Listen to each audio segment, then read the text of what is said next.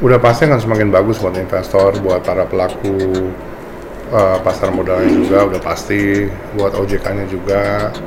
Jadi para manajer investasi juga lebih mengkomunikasi produknya, membuat produknya. Dari sisi investornya juga, kayak tadi saya katakan, mereka akan lebih lebih apa ya lebih lebih lebih mau sensitif terhadap yang dia beli. Mereka kan punya pasti ada punya kriteria listnya itu apa aja yang harus dia beli. Saya rasa sih bagus sih.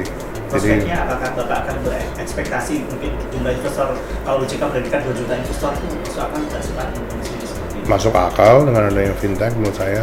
Ya udah pasti definitely akan tercapai itu sana tapi ya takes time.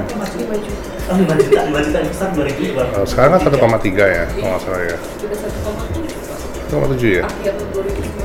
ya dengan fintech sih cepat sekali sih, ya. cepat sekali. Saya rasa um, saya susah prediksinya apakah 5 juta itu bisa tercapai 3 tahun.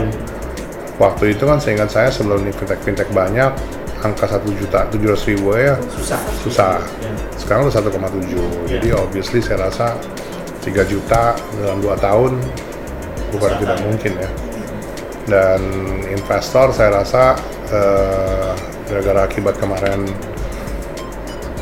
ada beberapa MI yang bermasalah dan segala macam saya rasa mereka nggak akan begitu aja kapok ya.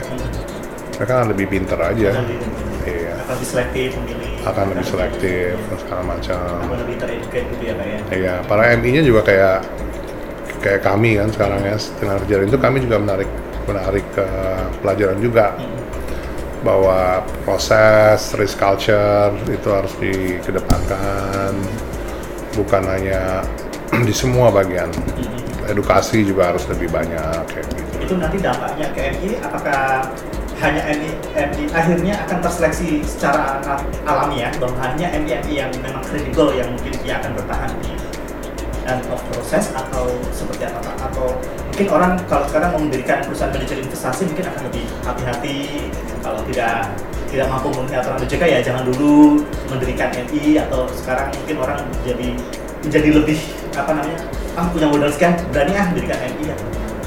Saya rasa MI, MI yang baru yang tidak punya backup nama global, nama regional atau nama grup, saya rasa akan mikir ya. Akan mikir ya karena bukan bukan saja izin juga akan ketat, produk yang dikeluarkan juga akan semakin uh, pengawasan semakin ketat. Jadi mereka juga udah nggak bisa bermain di produk-produk yang abu-abu lah seperti itu ya. Mereka harus bermain ya produk yang yang yang wajar, yang tidak tidak berinovatif yang sangat menyimpang ya. Gitu sih.